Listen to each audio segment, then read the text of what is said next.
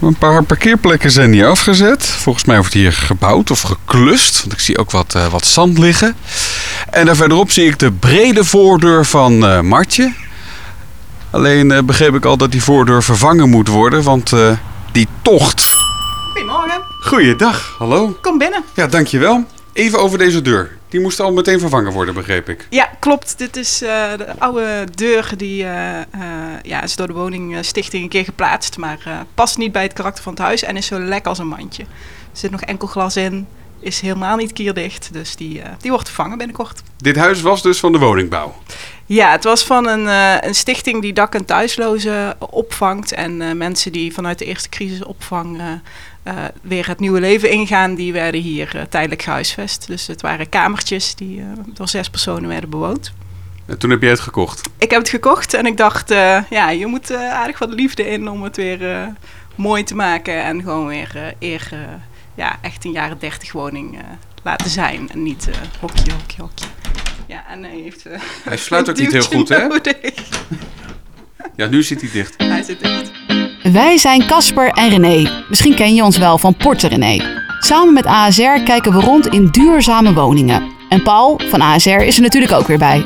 Dag Paul. Dag René. Jij bent ons zonnestraaltje vandaag, toch? Fijn. Want we hebben het in deze podcast over zonnepanelen.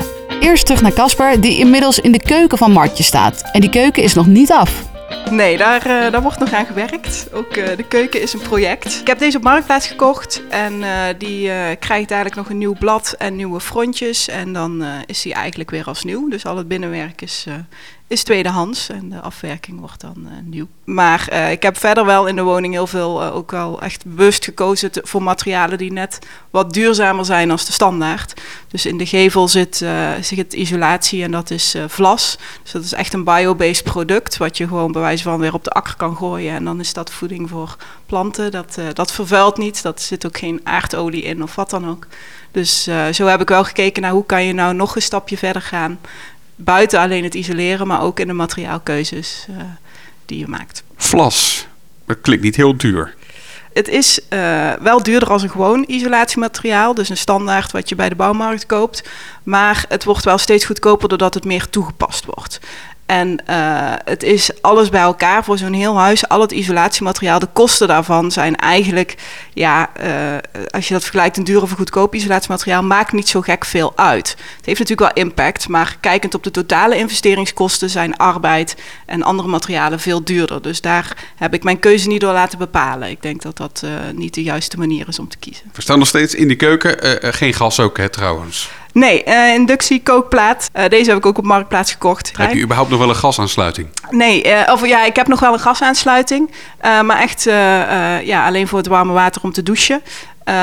mijn ketel is uit 2015, dus die is echt nog niet afgeschreven. Nee. Aan de andere kant heb ik wel alle voorbereidingen getroffen om een warmtepomp neer te kunnen zetten. Dus dat ik echt helemaal gasloos ben. Wat voor voorbereidingen moet je dan uh, getroffen hebben dan? Uh, nou, ik heb sowieso alleen maar een laag temperatuur verwarmingssysteem, dus met vloerverwarming. Um, en ik heb op de zolder ook een installatie zolderbergruimte, zeg maar. Daar is gewoon voldoende plaats om die warmtepomp ook op te stellen. En uh, ja, ook in, in de, de, ruimtes voor de kanalen en zo is ook rekening mee gehouden dat daar op overgeschakeld kan worden. Je bent er echt mee bezig geweest. ja, ja, het is ook mijn vak. Ik ben architect, dus uh, ik heb misschien ook een beetje een voorsprong wat dat betreft. Ik doe dit uh, dagelijks en dan doe je het voor jezelf natuurlijk extra goed. Wat ik je hele tijd hoor zeggen uh, is, ik heb. heb. Heb jij dit echt allemaal zelf gedaan? nou, ik heb natuurlijk wel een beetje hulp gehad, maar we hebben heel veel zelf gedaan. Dus ik heb samen met mijn vader en mijn schoonbroer eigenlijk het hele huis verbouwd. Er zijn een paar dingen die hebben we laten doen, zoals stukwerk en uh, tegelen van de badkamer. Maar eigenlijk alle ruwbouw, alle uh, elektra ook, riolering hebben we allemaal zelf gedaan. Dus uh, ja, het voelt wel echt als, nou ja, niet als ik, als wij, dat wij het samen gedaan hebben. Maar we hebben het wel echt zelf gedaan, ja. Wat voor energielabel heeft dit huis dan intussen gekregen? Um, ik heb nu energielabel B volgens de oude methodiek van vorig jaar. Ik denk eerlijk gezegd dat het energielabel A is. Maar uh, de rekenmethodiek die, uh, is daar niet op toegespitst dat je heel goed isoleert bij een bestaande woning. Dus dat werd niet meegenomen en dat kon ik dan wel mee laten nemen. Maar dan moest ik daar uh, ja, echt iemand voor op locatie laten komen. En dat heb ik nog niet laten doen. Maar B is toch al fantastisch? Ja, B is natuurlijk fantastisch voor een jaren 30 woning. Ik, ja, ik ben daarin dan ook wel ambitieus. Ik zou graag die A willen. Maar ik heb ook nog geen zonnepanelen op het dak liggen. Die wil ik later nog wel plaatsen. En dat heeft natuurlijk ook weer invloed. Um, ja, en nou ja, uiteindelijk maakt het niet uit. Het gaat erom dat je er fijn woont. En uh, nou, natuurlijk ook wel wat je betaalt aan energie aan het einde van de maand. Ja, stel je voor, je zou nog zonnepanelen krijgen, dan wordt het een A+. Uh, ja, ja, zou kunnen. Het ligt eraan hoeveel zonnepanelen je dan beplaatst natuurlijk. Uh, en dat, maar ja, die, die, die potentie is er wel, ja. ja. En, en waar wacht je dan op met die zonnepanelen? Ja, ik heb uh, voor, uh, toen ik net begon, toen ik het huis kocht, wel een bouwdepot gehad om dingen te doen. Uh, echt de grote, de grote zaken zoals de badkamer en zo. Maar nu probeer ik eigenlijk gewoon het geld te sparen en dan pas de investering te doen. Dus voor de zonnepanelen ben ik aan het sparen. En als ik straks genoeg geld heb, dan leg ik ze erop. Paul van AZR, kan Martje geen subsidie aanvragen voor die zonnepanelen? Ja, helaas is de landelijke subsidie is, is gestopt. Maar lokaal zijn er best veel mogelijkheden. En ook is het voor particulieren nog steeds mogelijk om de BTW af te trekken. Dat kan je soms honderden euro's schelen. Maar wil je dat uh, zeker weten, kijk dan op de website van je gemeente wat de subsidiemogelijkheden zijn. Maar die kosten die vallen toch best wel mee voor zonnepanelen? Zeker. Alles is natuurlijk relatief. Het blijft wel veel geld. Maar de prijzen zijn de afgelopen jaren behoorlijk gedaald. Er zijn veel meer aanbieders gekomen waardoor ze lang niet meer zo duur zijn als zeg maar vijf, zes jaar uh, geleden. Martje die rondt de verduurzaming van haar huis eigenlijk af met zonnepanelen. Maar veel mensen willen er juist mee beginnen. Hè? Is dat dan een verstandige volgorde? Ja, wat een verstandige volgorde is, is natuurlijk lastig te bepalen. Want sommige besparingen kosten veel geld. Dus het gaat er ook om wat je beschikbaar hebt ervoor. En je kunt al beginnen met kleine zaken als stroomverbruikers in je huis. Oude koelkast die je kunt vervangen of andere slimme uh, stiekeme verbruikers. Dat je die gaat vervangen voor uh, energiezuinige apparaten. Dat kan al heel veel verschil maken. Ja, en het is natuurlijk ook zonde als jouw dak vol met panelen ligt en je verbruikt nog veel te veel stroom binnen. Precies. Want dan is het een beetje water naar de zee dragen, zeg maar. Dat is ook zonde.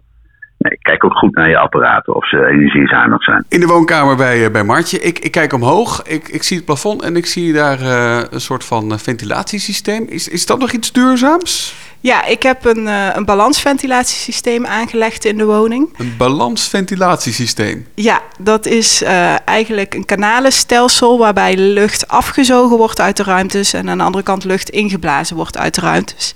En dat komt allemaal samen boven op zolder in een kast. En die kast die hergebruikt de warmte van de afgezogen lucht om de aan te voeren lucht voor te verwarmen. Dus je hebt verder geen verwarming? Ja, de, de, de vloerverwarming dus. Dus de warmte komt hier van boven en beneden? Ja, nou je moet, uh, het is echt ventilatie. Dus die lucht die uit die kanalen komt is niet bedoeld om te verwarmen. Het is echt puur om te ventileren, zodat je goede luchtkwaliteit houdt in de woning. Maar die is dus al wel een beetje voorverwarmd. En wat je vaak ziet is dat mensen roosters in de ramen hebben om te ventileren. Maar het nadeel daarvan is dat daar in de winter gewoon de min 10 door naar binnen komt. En dat is koud en daardoor zit je niet fijn bij het raam. Uh, zeker als je lage temperatuurverwarming hebt, zoals vloerverwarming, dan kan die dat eigenlijk niet compenseren. Vroeger had je die dikke radiatoren en dan had je die koude val van dat rooster, had je geen last van. Um, ja, nu is dat wel sneller met lage temperatuurverwarming en daarom heb ik gekozen voor een balanssysteem, dat je daar geen last van hebt. Je weet er echt veel van, hè?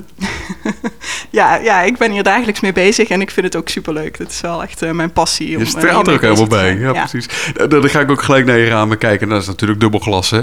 Ja, ja, is haar plus plus glas. Uh, daar uh, heb ik zelf wel heel erg over getwijfeld. Moet ik nou naar trippelglas gaan of naar HR++?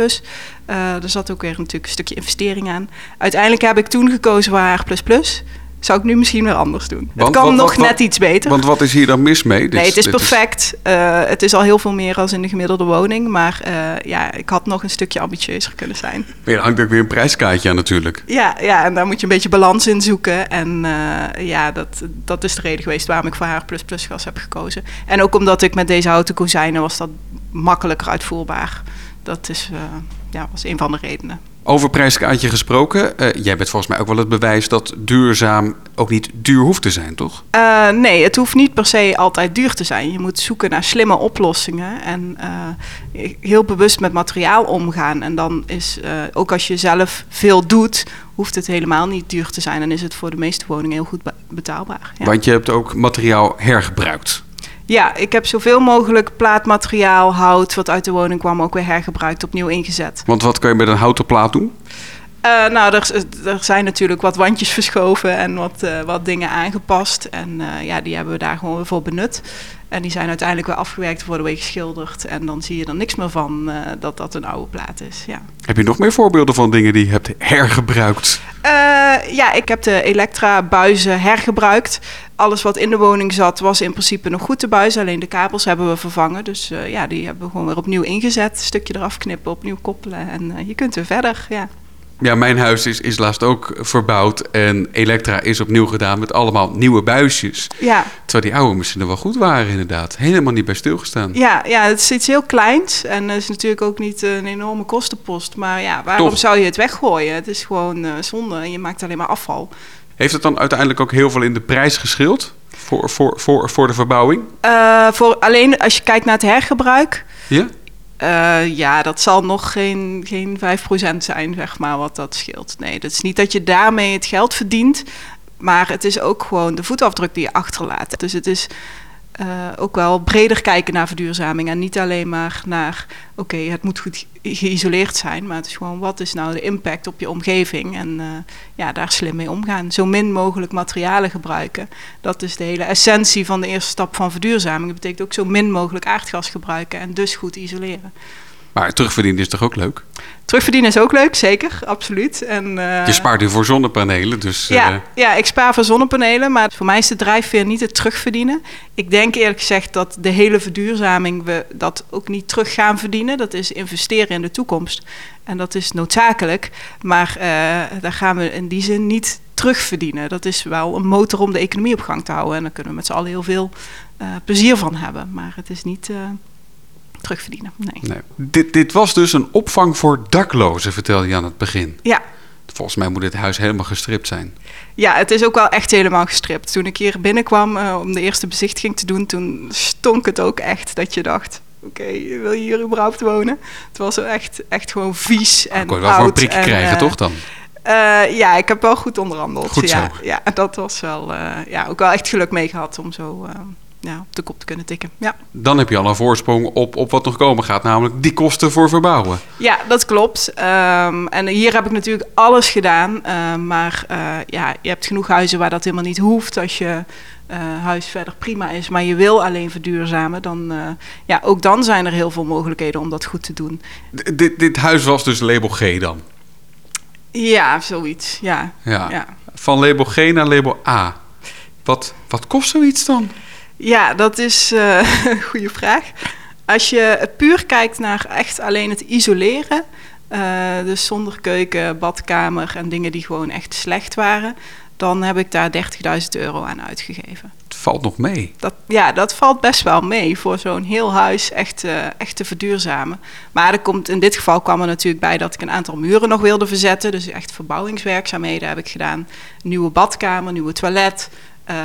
ja, dat, heeft natuurlijk wel bijgedragen. Dus alles bij elkaar. Maar als ik dan ook echt alles meetel, van lampen, de hele mikmak, dan uh, kom ik op 80.000 euro ongeveer. En kriebelt het nu weer? Uh, in die zin, de keuken is nog niet af, maar als die af is, dan val jij volgens mij in een diep gat. Ja, ja, nou, er zijn nog wel wat puntjes. Uh, alles staat in de grondverf. Dus alles moet nog geschilderd worden en uh, de trap moet nog. En zo zijn er nog een heleboel afwerkingspuntjes die ik nog graag wil doen.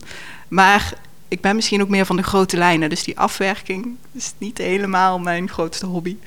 Um, ja, het kriebelt altijd voor een nieuw project. Ik zit te kijken of er... Ja, er liggen wel plinten, dat dan weer wel. Ja, ja de plinten dan weer wel. Paul, Martje is niet zo van terugverdienen, maar wij eigenlijk wel hoor. Dus stel dat je nou 10 zonnepanelen op je dak legt. Hoe lang duurt het dan voordat je dat terugverdiend hebt? Hangt natuurlijk sterk af ook van hoeveel je zelf je eigen uh, verbruik uh, hebt. Hoeveel je energieslorpers uh, je zeg maar in je huis hebt. Um, maar meestal ben je met vijf of zes jaar zit er al wel weer een terugverdientijd in. Dus dat is altijd wel het grote voordeel van, van zonnepanelen. Maar het heeft ook te maken met ja, welke, welke apparaten heb je er zelf op aangesloten. En natuurlijk met hoe liggen die panelen op je dak? Liggen ze er een beetje gunstig bij?